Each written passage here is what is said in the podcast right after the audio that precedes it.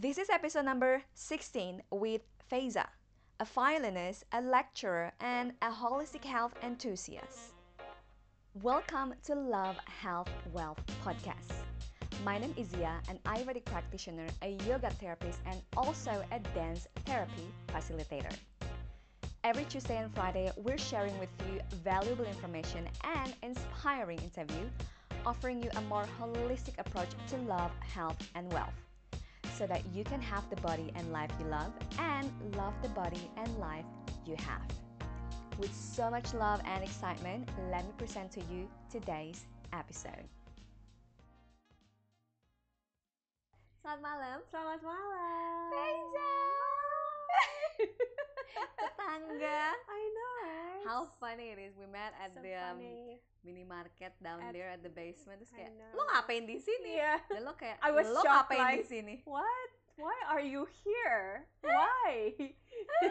Apparently yeah. kita tetangga. right. How? That's hilarious. At first, thank you so much for coming Thank you to my unit me. that is Yeah. your next door neighbors. Right. Thank you for the cooking.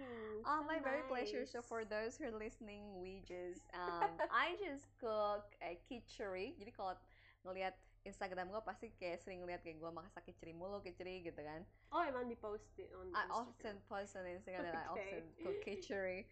um, terus kayak ini apa mbak bikinnya gimana gitu kan. So I had just made another kitchery for dinner just because it feels so so warming for good, the belly. So yeah. Is it your first time? Yes, Pertama my first time. Okay. It's really nice. Now you know how to make it. I love it. The Zia yeah. way. Yay. The Zia way. yeah.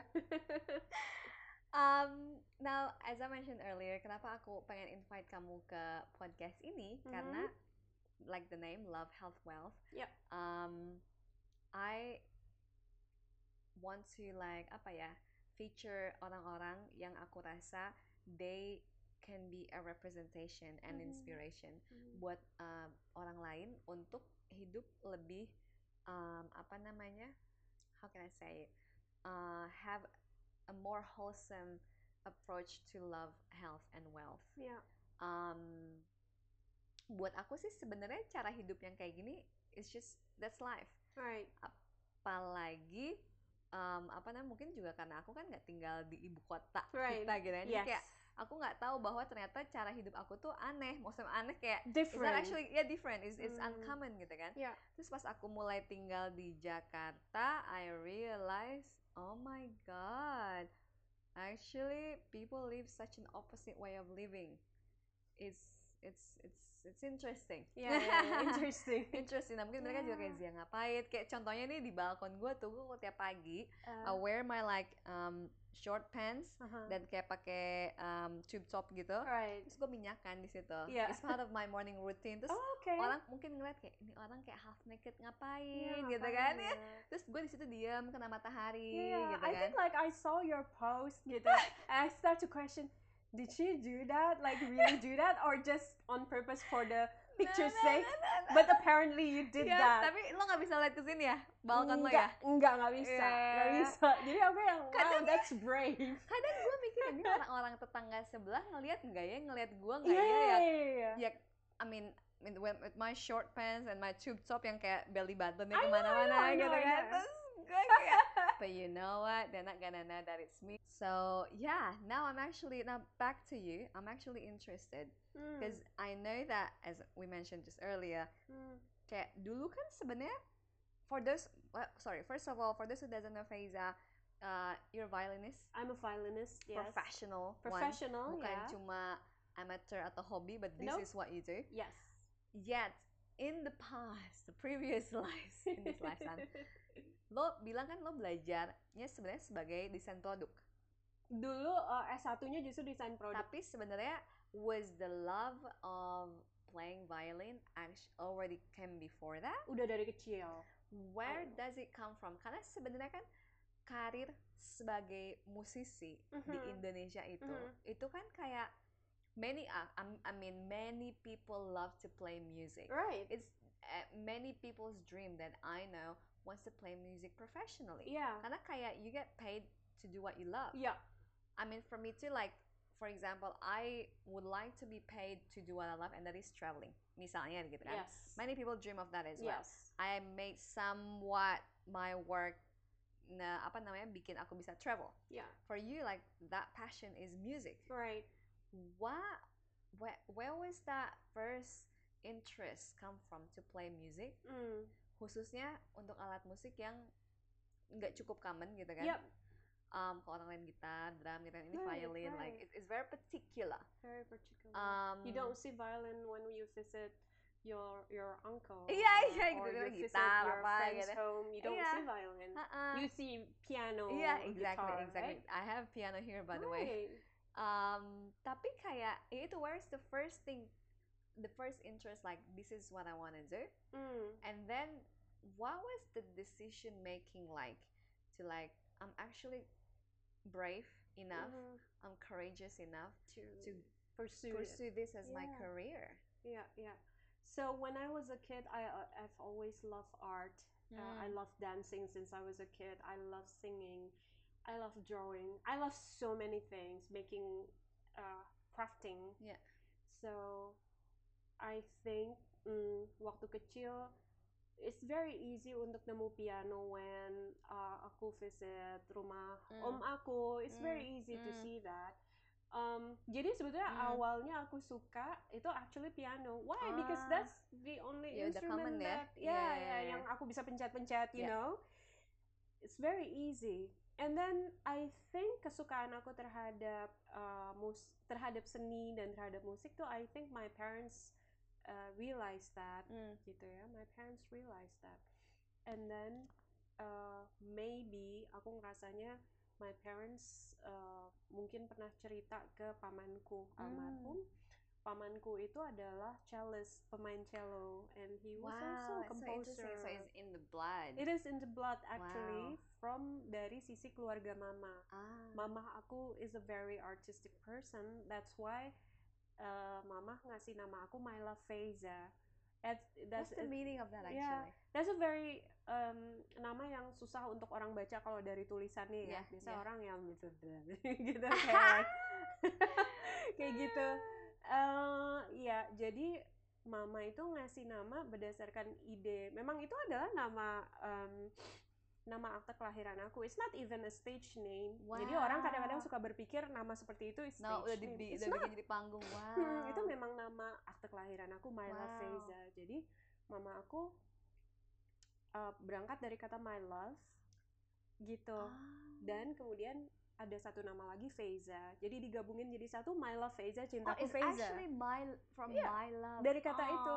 That's Oh. the actual meaning gitu, My Love Feza Oh. gitu. Cuma sama dia semua hurufnya didempetin jadi satu Iya. gitu. Dan Ibunya udah ditulisnya hipster dari dulu ya. apa tuh? Ibu lo udah hipster dari Iya, dulu. it's just so amazing like how how di, did you come up with that gitu like so weird right gitu kalau dipikir gitu and yeah so weird dan nowadays there are so many Facebook accounts yang make nama aku because they like they like the name.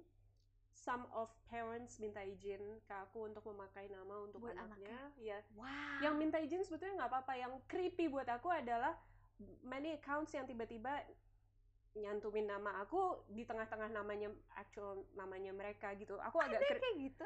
there are a lot of on Wow. Instagram. Jadi kadang-kadang aku di like oleh Myla Face juga. Kayak gitu. It's a bit creepy for me gitu. Dan buat aku like what? I don't want my name to be copied. Yeah. like kalau kalau misalnya ada orang tua yang uh, meminta izin ke aku nggak apa-apa. Inspired, of yeah, course yeah. I feel so honored Yeah, gitu ya. Sometimes ada yang ngomong ke mamaku juga dan Mm, mm, segala wow. macam gitu kayak gitu So, anyway tadi paman cello. Iya, yang pamanku itu akhirnya uh, karena dia adalah uh, musisi, jadi um, dia memberikan ke aku. uh, wait, pada saat itu dia mengusulkan aku untuk les uh, les biola gitu, kayak gitu. Hmm. Along with that, Berapa di- tahun tuh? itu umur 9 dan along with that dia memberikan biola yang dia punya dari gudang yang ada di rumahnya. So because Wow. she, he is a musician, jadi he has gudang yang isinya ada macam-macam alat musik, ada gong dan segala macam Wow. gitu. Aku mikir oh keren banget sih gitu kan. So when I was a kid, my first violin itu dari pamanku actually. Ah. Dan pada saat aku dapat biola itu memang, hmm, of course I have no idea how it sound Iya. karena belum bisa dimainin. Ah. Tapi I fell in love with it like instantly falling in love without e- even without hearing the sound Yeah. pada saat itu biolanya masih perlu di adjust dan segala macam I I can't uh, I couldn't I couldn't play it tapi Hmm. I fell in love with it jadi aku selalu bawa tidur biola itu like iya. That's when I love something aku pengen membawanya tidur so aku pengen tidur sama kamu Biola. I know that sounds wrong, right? Gitu. Tapi I sleep with my instrument. Jadi ya nanti later on kita akan cerita that uh, my second love with harp, right? But I Oh, can't sleep wow. with harp. Gitu. Yeah. Uh, tapi uh, jadi biola ini pasti aku taruh di samping tempat tidur aku. Wow. So I want it to be the first time I see when I wake up Oh. and the last time I see before I went to bed. wow. So that is quite powerful actually, Yeah, right? yeah, But when I was a kid, I didn't think so much about it. You know, when you're a kid, if you love something, you just love it, you Yeah. know? And then This is obsession, man. Exactly. I just realized that like that's obsession gitu kan. And uh, apa namanya? I guess my parents realized that and atas uh, usul dari pamanku, akhirnya aku masuk ke se- sebuah sekolah alat musik gesek yang dulu itu kerennya adalah uh, pemerintah Indonesia itu memang punya sekolah khusus alat musik gesek, ada Ah, gedungnya. oh, Memang wow. didirikan oleh Departemen Pendidikan dan Kebudayaan. Really? Yes. Udah nggak ada sekarang. Nggak ada, kasihan, sedih. Wow. Dan karena waktu itu Menteri Pendidikan dan Kebudayaannya itu adalah almarhum Fuad Hasan, and he Mm. also play violin, so he has Mm. this love of music. So eh, apa namanya, it was really good bahwa pemerintah itu benar-benar meng apa ya eh, include music as a part of education Mm. gitu. It's really good. Jadi pada saat aku masuk di situ masih kecil umur 9 aku belajar selama satu tahun gitu ya aku belajar satu tahun nah pada saat aku belajar gitu ya aku anak kecil yang iya udah belajar gitu terus Hmm. oke konser gitu kan pasti ada orkestranya yang Yeah. anak-anak gitu ya dan ya we did concert dan segala macam gitu kayak gitu but I guess uh, mama papa ngelihat perkembangan aku dan pamanku tidak lepas dari perkembangan itu semua gitu karena dia terkait dengan guru-guru yang ada di situ juga Hmm. I guess it is his circle pada saat itu Hmm. jadi pada saat itu by the age of 10 aku dipertemukan dengan almarhum which is a legendary uh, maestro in Hmm. Indonesia namanya Idris Sardi Hmm. gitu his name is larger than life bahkan sampai sekarang ini belum ada yang bisa menggantikan beliau di Indonesia. Jadi umur 10 tahun atas uh, apa namanya diperkenalkan lah pamanku perkenalkan aku ke Om Idris Sardi. Dan pada saat itu aku tetap harus diwawancara kembali gitu. Like kenapa kamu suka biola? Kan susah ya. Itu gitu. berapa tahun? itu umur 10 tahun. Wow. So, aku pada saat itu dengan polosnya sebagai seorang anak, aku cuma bi- bilang gini komidis, kalau aku mau aku bisa, gitu. I guess that's the most powerful thing eh, apa yang aku ucapkan, yang aku ngerasa itu aku bawa sampai sekarang. Dan kalau if aku if if aku punya doubt on myself, aku akan mengingat lagi si Faiza kecil yang Wow. dengan polosnya bilang kayak kalau aku mau aku bisa. Dan anak kecil kalau ngomong gitu kan bukan karena overconfidence Iya, iya. gitu dan anak kecil itu bahkan tidak mengerti konsep overconfidence Yeah. gitu I just say I I said what I felt like it gitu jadi diwawancara oleh Om Idris diminta untuk memainkan lagu-lagu yang sudah aku pelajari dan segala macam akhirnya aku diterima oleh beliau jadi muridnya Hmm. um, pada perjalanannya aku belajar dengan Om Idris Sardi, aku tahu bahwa he is a big name in Indonesia, seseorang yang sangat berpengaruh dalam sejarah musik Indonesia. Aku tahu bahwa itu udah bukan main-main lagi. So Hmm. at that time aku tahu, Dan itu udah 10 tahun. iya, jadi at that time aku udah tahu ini gue udah gak main-main lagi, gitu Hmm. loh. This is serious. Dan Do you feel different tau? Karena teman-teman kamu kan umur 9 tahun mah ya masih main No, ya. ya, ya, ya. Yeah, I feel so different karena aku ngerasa now that I realize aku nggak pernah. To be honest, I never feel like being a kid Iya. sebetulnya because at a ver- very early age I was exposed to very strict discipline. I Yeah. was exposed to integrity most of the time Yeah. karena almarhum sangat-sangat mengajarkan untuk menjadi musisi yang punya integritas, martabat dan segala macam all those values yang ditanamkan sejak kecil. But also at the same time aku ngerasa bahwa uh, I'm being mature uh, lebih dibandingkan teman-temanku yang lain yang masih main-main atau dan segala macam gitu.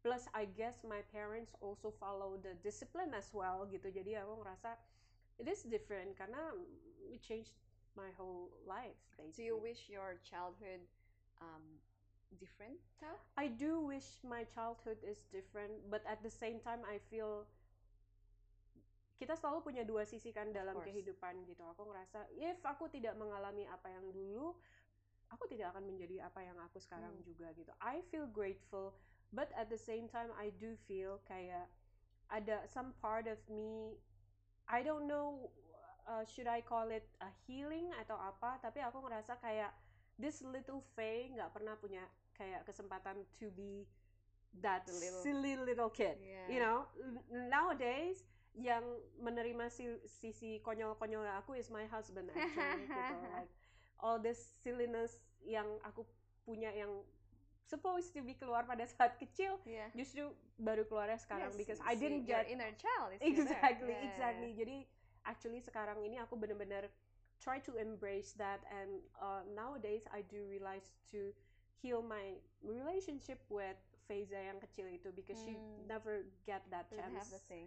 Yeah. Yeah. So wait a second. So dari 10 tahun udah mulai di quote unquote mentor sebenarnya exactly. kan di dan memang itu dilatih untuk jadi professional. Hmm. Jadi itu bukan hobi sama sekali. Dari I never kecil, approach wow. I never approach music as a hobby wow. at all. So when people said that's a hobby, no, it's not a hobby. Dari since kecil the beginning. Since the beginning. Mungkin cuma awal-awalnya pas aku belajar umur 9 ya yeah. gitu ya, tapi when aku sudah diajari oleh almarhum Indrisardi, I know that's not wow. that's not a hobby karena beliau hanya mau menerima uh, orang yang mau committed tapi that's gitu. interesting karena kan kamu masih 10 tahun masih anak kecil ya bu ya yeah. what was I'm just curious what was his decision process buat kayak oke okay, gue ngeliat si orang exactly. sepu, anak 10 umur ini gitu umur 10 tahun ini mm -mm. which is Faye yang kecil gitu kan mm -mm.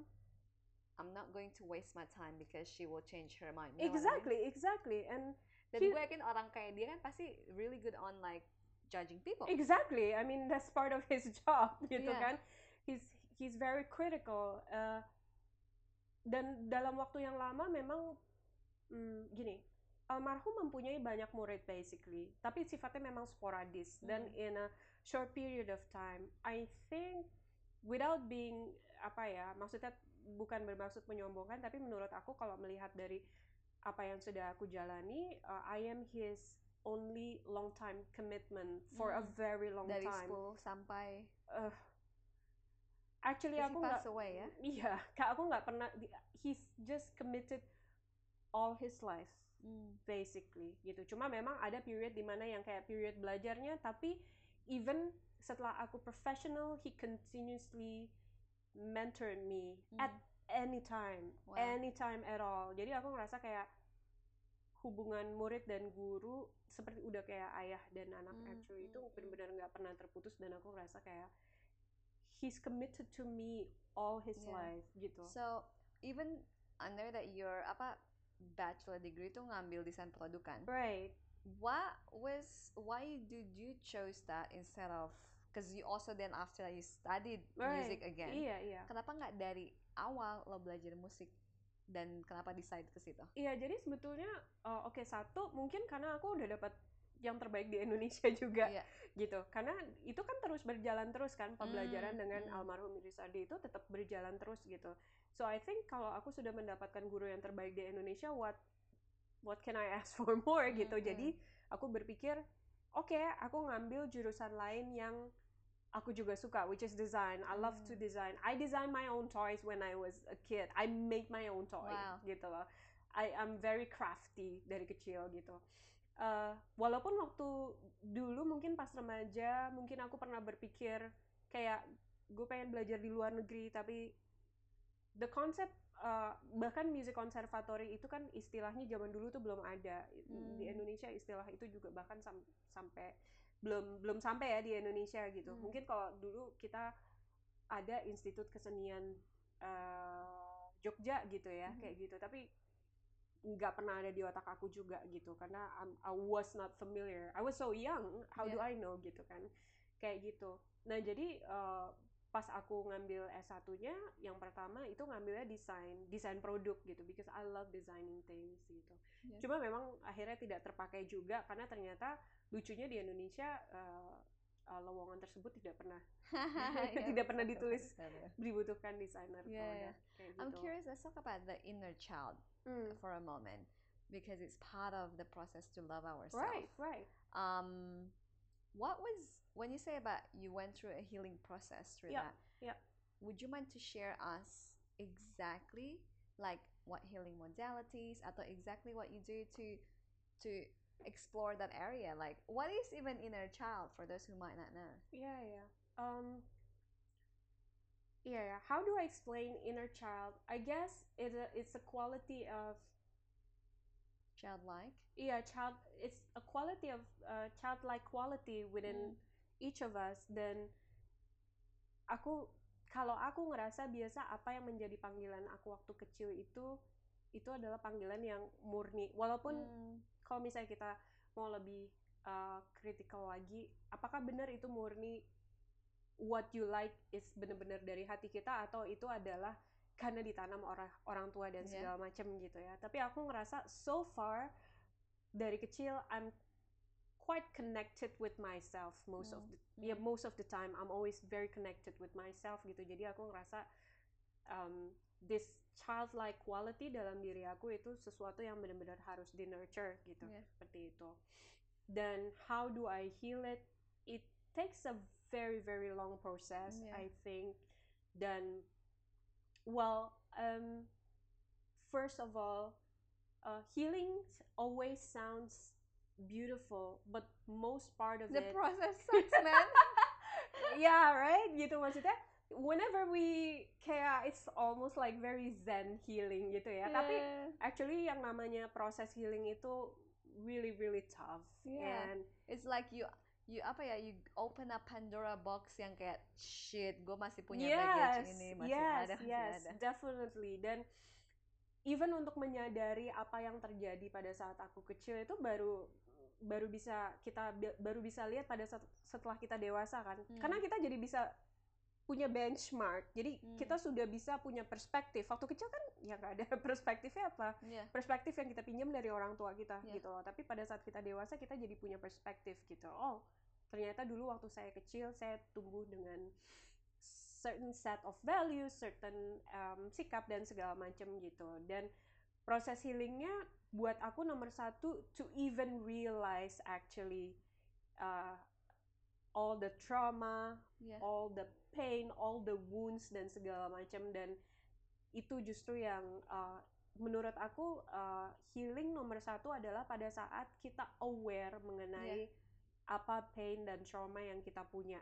I wish waktu kecil aku bisa lebih bermanja-manja ke orang tua, tapi Hmm. mungkin because my parents is just very disciplined, jadi gue nggak bisa manja-manja gitu. Mm. You know, just to even realize that gitu. Yeah. Jadi It takes a lot of courage it to takes a accept lot. that I'm not that perfect human iya. being that I wish I Iya can be. iya. Ha, ha, Dan ha. makanya kemudian banyak orang avoiding the healing process because they Exactly. want to keep the baggage, the shit just Mm-mm. in a pengennya ditutup corner. aja Oh, di iya. gudang gitu ya Iya. gudang batin kita Uh, sementara aku dari dulu sudah terlatih dengan berusaha untuk uh, apa ya namanya untuk to always connect with myself mungkin karena basically I work as an artist sebagai seorang Hmm. seniman we must connect with uh, kondisi di dalam kita Iya. gitu ya dan jadinya aku harus mengakui berbagai hal yang menyakitkan pada saat aku kecil gitu loh Yeah. kayak misalnya aku ngerasa ini satu hal ini aku nggak ngerasa hanya terjadi di aku tapi aku ngerasa ini terjadi di banyak orang itu adalah dibesarkan dengan berdasarkan fear based Hmm. fear selalu yang ditanamkan fear Kalau selalu nggak ini kamu masuk neraka. iya kalau nggak ini, kamu kamu ini ini. karena kamu ini Stick carrot banget gitu ya. Iya, kayak gitu. Fear based. So, uh, growing up, uh, I apa namanya cultivate a lot of fear actually, a lot of fear. Takut ini, takut ini, takut ini, takut melakukan decision dan lain-lain gitu. Um, even even pada saat aku sudah tidak tinggal dengan orang tua, aku masih because it's a pattern that we, exactly. Jadi kayak um, it's a mental prisoner yang selalu aku bawa gitu dan susah sekali untuk Yeah. melepaskan itu. Jadi uh, just to even realize there are so many fear, there are so Hmm. many pain, wounds, trauma dan segala macam. Itu adalah proses pertamanya untuk healing dulu Yeah. sih menurut aku gitu. Yeah. Tapi kita harus commit to ourselves and to show up to ourselves gitu loh. Maksudnya aku ngerasa kayak when you said that a lot of people uh, apa ya menghindari hal itu karena this is such an ugly process gitu such an ugly process to even realize how hurt you are how painful it was how uh, traumatic it is dan segala macam how banyak hal yang terjadi pada saat kecil yang membuat aku tidak bisa mengambil keputusan, tidak berani melakukan ini itu ini itu or even even I just realized that misalnya I actually just realized that I deserve to be happy after my father passed away. Mm. Gitu.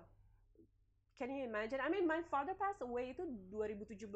Mm. So for very long time, I feel I just realized like, what?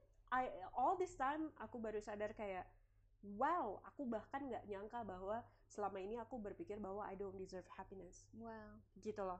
I just realized that uh, oh all this time aku baru sadar bahwa um, to love is to suffer. Oh. You know, kadang to sacrifice. exactly. Yeah. Dan itu sering sekali ditanamkan di keluarga, right? yeah. Gitu. Um, ya, di satu titik itu satu hal yang bagus and Yeah. wonderful. What But does love mean for you? Then I'm curious. Iya. Wow.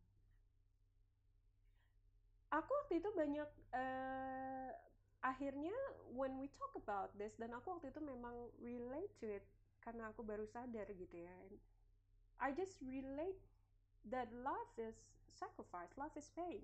Yeah. Jadi karena karena that's how I function for a very long time. Mm. Aku baru menyadari itu setelah my father passed away Mm. gitu. I mean like I know that when you love someone, you're you love your family, you love your partner dan lain-lain. I think it is wonderful when you become selfless. But it's not wonderful when you're not enough for yourself, Yeah. you know? So I guess it's all really started by giving yourself the love that she needs. Exactly gitu. Dan apa namanya? Aku benar-benar baru sadar bahwa ya setelah papa meninggal and then I just realized, wow, selama ini I approach to love is to suffer. Dan Mm. then to love is to feel their pain or like take their pain on my Mm. shoulder gitu loh. Mm. Karena that's how I function most of the time. Mm. That's how I grow up with gitu ya. Jadi I just realized that and that's also the source of makanya aku ngerasa kayak I don't deserve to be happy because if Mm. I'm happy I feel so guilty Wow. because I know some part of my family is suffering. Yeah. I can't be happy. I can't look Wow. happy. So what did you do exactly buat kemudian merubah itu? Hmm. Well, maybe maybe is is still there and that is well, fine yeah, gitu yeah. kan? It's a Tapi- lifetime process. Iya iya iya. It's a Tapi lifetime kayak what's the process. process like? What Tapi exactly you aku ada lagi nih. Ini adalah hal-hal yang seperti ini sebetulnya adalah hal yang tertanam bisa puluhan tahun, Yeah. actually belasan puluhan tahun, and it's crazy. Yeah, like it's a social conditioning for all. exactly. Bahkan pas kita di perut orang ibu kita Yeah. pun itu udah kita in the womb ya. Yeah. in the womb kita udah membawa emotion dari ibu Yes, kita kan kita exactly. juga nggak tahu misalnya that's why there are angry babies Yeah. but there's also happy babies Yeah. because of that actually nah jadi kalau menurut aku sesuatu yang sudah mempunyai mempunyai layer yang luar biasa dalam dan mengakar you need help Yeah. right? You need help. Dan uh, for me aku selalu menjadi orang yang sangat tidak segan untuk minta tolong or seek help. Dan nomor satu buat aku is having a therapist. Mm. is having a therapist. Dan I've been having a therapist for a very long time. Dan uh, apa namanya um, it's a holistic therapist dan mostly aku uh, terapisnya uh, memakai kayak batch flower, teknik TAT dan lain-lain gitu kayak gitu. TAT for those who doesn't know it's called it's abbreviation from tapas acupressure technique. Right. Uh, Right. yang dipopulerkan di Indonesia sama Mas Reza Gunawan. Right, right. And then what else? Ya, jadi kayak gitu and by journaling, tapi itu memang uh, perjalanannya benar-benar dalam jangka waktu yang sangat-sangat Iya. lama and it's still ongoing Iya. dan uh, apa namanya? Namun itu sudah berhasil mengikis layer-layer yang di bawah. But this is the thing, when you start finding one layer, kamu akan menemukan layer yang bawang, di bawahnya ya, bawang, lagi. iya. Iya gitu dan uh, Do you feel it's worth it then? Like, you know, for some people be like, ya udah daripada capek-capek lo ngerasa sakit ngupas bawang gitu kan iya, kayak iya, daripada "Ah, capek diberes, nangis oh ada gitu lagi kan. ada lagi don't isn't isn't it just easier to just like ignorance karena ignorance is bliss do you Iya, feel iya. it's worth it Well, process? I don't think ignorance is bliss. I think ignorance kills. Hmm. Gitu. Dan aku ngerasa um, a lot of my growth, my evolution, self evolution itu benar-benar berangkat dari satu menyadari all the pain, all the wounds, all the things that I don't like, all the things that I feel very uncomfortable to live gitu. To accept that, to see that, um, and then go seek for help. Yeah. And to work on that and continuously show up to ourselves that means aku tahu bahwa misalnya gini kalau misalnya aku habis meditasi misalnya gitu atau misalnya aku habis melakukan uh, sesi dengan tapas acupressure technique gitu aku tahu bahwa akan kita akan melalui masa-masa kritikal gitu. Yeah. masa kritikal adalah pada saat layer di bawah di gudang batin kita naik ke atas gitu. Di situlah kadang-kadang aku merasakan kemarahan mengenai hal-hal yang what? Uh, misalnya misalnya gini uh, gini. First of all aku uh, kasih contoh kayak gini misalnya kadang-kadang kita berpikir untuk orang-orang yang baru melakukan meditasi mereka berpikir bahwa meditasi makes you feel peaceful. It's not gitu loh. It Eh, bring out all the shit to the surface. Yeah yeah my inner shit comes to the surface Yeah. gitu kan gitu. Itu tuh kayak makanya dulu bring it on gitu. baca analoginya kayak analo eh, eh, meditasi itu kayak lo punya gelas transparan terus lo ambil air dari sungai yang keruh and then the the sedimentary layers si soilnya si tanahnya sama airnya nyampur. Meditation is basically the art of letting that water sit still sampai akhirnya kepisah antara air dan Exactly. tanahnya. Jadi kayak awal-awal lo akhirnya menyadari kayak wah gila gue bawa sampah I ternyata know. kan. Iya, yang awalnya iya. clouded terus ignorance gitu kan. Terus ternyata exactly. as you let it sit through for a while you realize oh ada jadi clear. Dan karena clarity itu lo melihat bahwa damn there's shit Oh iya iya, jadi biasa uh, first of all uh, meditasi itu menurut aku tidak membawa kedamaian. It can only if you work with yourself Yes. after that. gitu apalagi maksudnya kan udah kepisah and then you Yeah. know like okay there's shit okay let me do my work Yeah, now the let next me do my is shit. do the work to take the shit out right. dan itu nggak enak itu gitu nggak kan enak gitu loh. Jadi jangan berpikir bahwa habis itu tiba-tiba merasa di nirwana dan segala Zen, macam. No, yeah. it's like- itu actually di situlah pada saat itu adalah part penyembuhan kita di mana um, sampah-sampah dari gudang batin kita itu akhirnya terangkat ke atas. Hmm. And that's also why bisa saja setelah meditasi kita malah jadi nangis atau kita ngerasa shitty banget dan Hmm. segala macam. Itu justru the healing processnya sebetulnya gitu. That means apa yang tersimpan uh, sudah sekian lama yang kita udah tekan di batin kita, dia kebuka, dia mulai keangkat satu Iya. persatu gitu loh, kayak gitu. Jadi uh, apa namanya? um, biasa aku tahu bahwa biasanya kalau kayak gitu aku tahu bahwa aku akan mengalami masa-masa kritis di mana aku baru sadar bahwa oh ternyata dulu nih gini that was never been my fault gitu misalnya gitu Hmm. pernah juga terjadi gitu setelah meditasi atau TAT dalam ini ya maksudnya in a period of time gitu I have just realized beberapa konsep dalam diri aku yang aku berpikir bahwa eh, apa ya hmm, this is my concept of self bukan ternyata itu kamu. adalah uh, konsep dan judgment orang lain terhadap Iya, aku iya. yang I believe in all Iya. this time yang I live in all this time Yeah. padahal aku yang wait a minute no that's itu bukan saya itu pemikiran kamu tentang saya It, that's your judgment tentang saya but that's not me Yeah. dan waktu itu pada saat itu aku pernah marah karena marah dengan diri dengan dengan menyadari itu bahwa what selama ini I have lived all all this time it's a lie saya pikir diri saya seperti yang kamu pikir Hmm. it's not itu adalah persepsi yang dibangun misalnya dari lingkungan terkecil kita mungkin dari keluarga teman sosial dan lain-lain budaya dan lain-lain Yeah, gitu ya exactly. kayak gitu and then I just realize no it, no it's not gitu atau misalnya kadang-kadang kita bisa menemukan kayak kita merasa diri kita bersalah gitu loh Yeah. eh, dalam tindakan kita atau apa Hmm. gitu loh kayak gitu. Atau selalu kita selalu merasa kayak diri kita selalu dipersalahkan gitu. Setelah kita sadar bahwa no it's not. It's never been my fault gitu. Yeah. it's that's your fault because you don't understand Yeah. certain things gitu. Which is because- back again to the first thing, the importance of having awareness, exactly. And that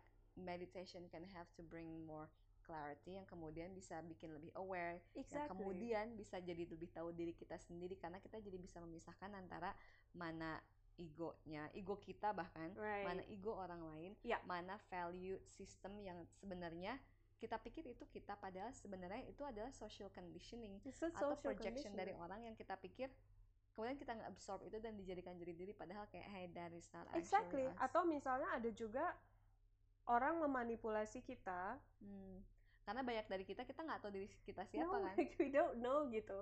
Kita nggak tahu gitu. Especially kita dari kecil kita punya kemampuan yang terbatas sekali untuk bisa melihat diri kita itu Hmm, siapa. Karena hmm. kita kan seperti handphone baru yang belum banyak uh, aplikasinya ya. aplikasi sama orang padahal kita juga exactly. nggak aware Iya, tapi kalau misalnya setelah sekian lama sama hampir kayak handphone terlalu banyak aplikasi and then it starts to e- have error, right? and you have to uninstall them Iya, gitu. Nah, iya. aku ngerasa satu uninstalling-nya adalah ya satu dengan terapi uh, dengan having a professional therapist assisting you Iya. uh, for you to heal untuk bisa uh, membuka layer-layer di bawah uh, mengenai permasalahan batin.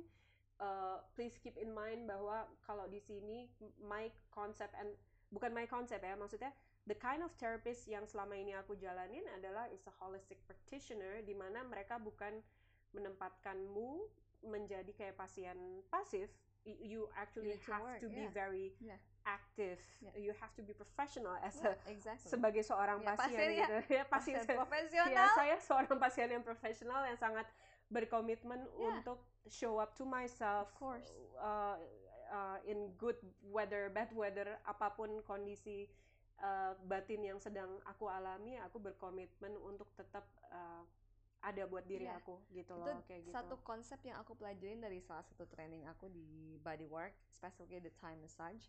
Um, terus orang pikir bahwa kebanyakan orang kayak, oke aku sakit aku datang pijet gua atau orang sakit datang terus Right. kayak kasih aku obat apa. Iya But it doesn't work like that. As simple as di Thai massage misalnya, oke, this is a really great therapist, tapi dia mau pijet kamu terus, tapi kamu badannya kayak you- you're not even allowing the person to touch you. right you're not Or- working together You're, misalnya tangannya diangkat terus tangannya malah kayak kaku di bawah misalkan Iya. kayak uh, no matter how good the therapist, no matter how Right. master or how Right. amazing the therapist, Iya. tapi kalau kita as simple as pertama enggak allowing, enggak membuka diri buat mau dibantu Iya. gitu kan, Iya. that's already a huge step. Yang kedua tentu saja kayak there's work after that that comes. Dan Yes. makanya ada yang bilang healing work itu 50 50 50% kerjaan klien dan 50% praktisi. Tapi sebenarnya ada temen gue yang bilang, "Enggak, this is actually 90% 10 because the 90% actually is the client work." exactly Karena kalau kamu exactly. nggak apa ya, sesimpel kayak misalnya ada orang datang ke sesi misalnya like some of my clients um, atau kalau gue dengar sering dari orang lain juga gitu kan bukan dia sebenarnya yang pengen sembuhin jadi dia datang karena istrinya oh, dia tuh karena siapa itu sering banget interesting. kan. oh, really? tapi kemudian kan efeknya beda karena they don't actually wants to be healed no they don't you know what Iya, I mean iya, iya, so iya, it iya, needs iya. to like start dengan do you even want to be healed exactly kayak iya gitu Iya, jadi apa namanya uh, tetap aja PR-nya harus ada di kitanya sebagai pasien. Exactly. Jadi misalnya kayak aku terapi misalnya dengan Reza Gunawan, uh, walaupun dia assisting aku for uh, to facilitate my healing, tapi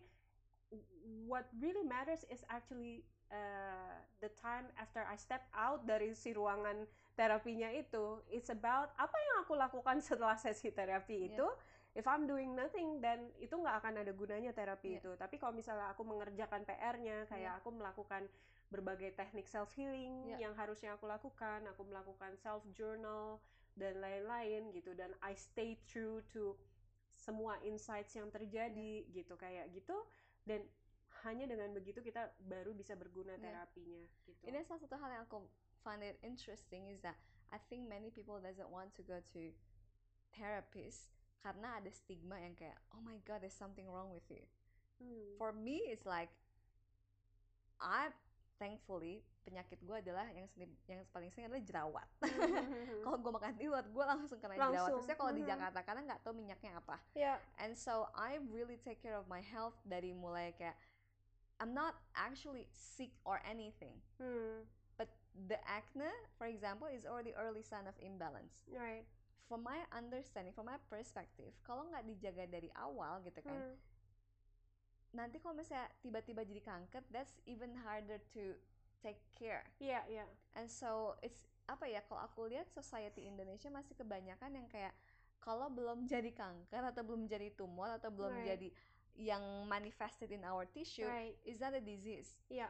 and then there is this stigma bahwa Hmm. ah lo ke terapis emang lo lo kenapa dibanding kayak oh lo ke terapis mau maintain apa you know what I mean Right, right. It's Is- mentality Mental- cara berpikirnya masih berbeda gitu so for example every morning I eat my special porridge yang ada banyak interesting thingnya herbs and also like very specific things and people be like you don't enjoying your life you know like Hmm, okay. kayak makanan ya like why are you eating like it's, it's Yeah. bland you know what I right, mean right, right. and I'm like you know what I'm doing is I'm investing my health for the long term right, right. because um I have a big dreams I want to achieve I want to travel the world Iya. dan kalau misalnya gue dikit misalnya nggak usah ngomongin sakit-sakitan deh yang harusnya misalnya gue bisa keep up for like let's say eight hours a day to work Right. I can like I I can't work as long dan juga kayak aku ngerasa clouded cara berpikirnya Yeah. slow gerak geraknya gitu kan it's, it's lamban iya itu kayak that, that isn't that a sign for Yeah, right, so right. that's I think there's there's this still big difference tentang kayak um what does health mean Right, right. That's very true. Yeah. very so true. where so for you like is that your awareness about health does that come because ada apa namanya uh, mulai ngerasa ada sesuatu atau kayak is is is a value from your family karena dari keluargaku nggak ada sama sekali bahkan keluargaku olahraga aja enggak gitu Yeah, it's definitely not the value for my family. Iya.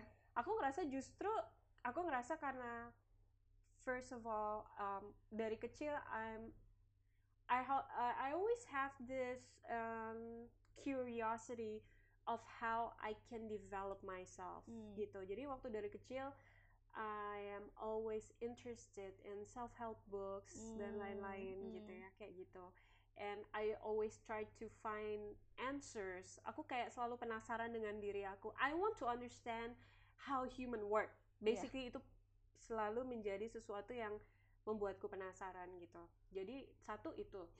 Terus kedua, when it comes to health, physical health, justru aku ngerasa karena I see too many family members get sick and uh, sick yang serius-serius sekali gitu ya di keluarga besar gitu. Dan I'm just apa ya? Aku ngelihat this is just not right gitu. I don't want to to to ini ya untuk bisa untuk menjalani seperti itu Iya. gitu. Dan aku berpikir like there must be a way to take care of uh, myself secara lebih menyeluruh gitu. Iya. Makanya um, aku ngerasa all the therapy yang aku pilih itu pasti yang sifatnya lebih holistik Iya, gitu, oke. kayak gitu. Ya, that's interesting. Apalagi maksudnya buat kerjaan kamu yang tadi kamu bilang, as a musician you need to be in touch with yourself, Right. with your emotion, how you feel. Karena kalau misalnya Yeah. ada yang main musik tapi kayak cuma baca partitur doang, tapi nggak pakai rasa gitu kan, That's it will be very different. It is Makanya- very different. Iya, makanya dengan justru juga karena karir kamu seperti itu, you need to be in touch to yourself, and then through that process, then you realize there is actually things about myself bukan penyakit yang besar gitu yeah kan yeah yeah but it's like it's because again like your view of the world is like I always want to be better. Yeah i always want to grow. I improve, want to exactly, evolve as a human being. I want to continuously evolve. Dan menurut aku and not just living a mediocre life gitu kan? Yes. Dan aku berpikir bahwa there's really nothing wrong with going to the therapist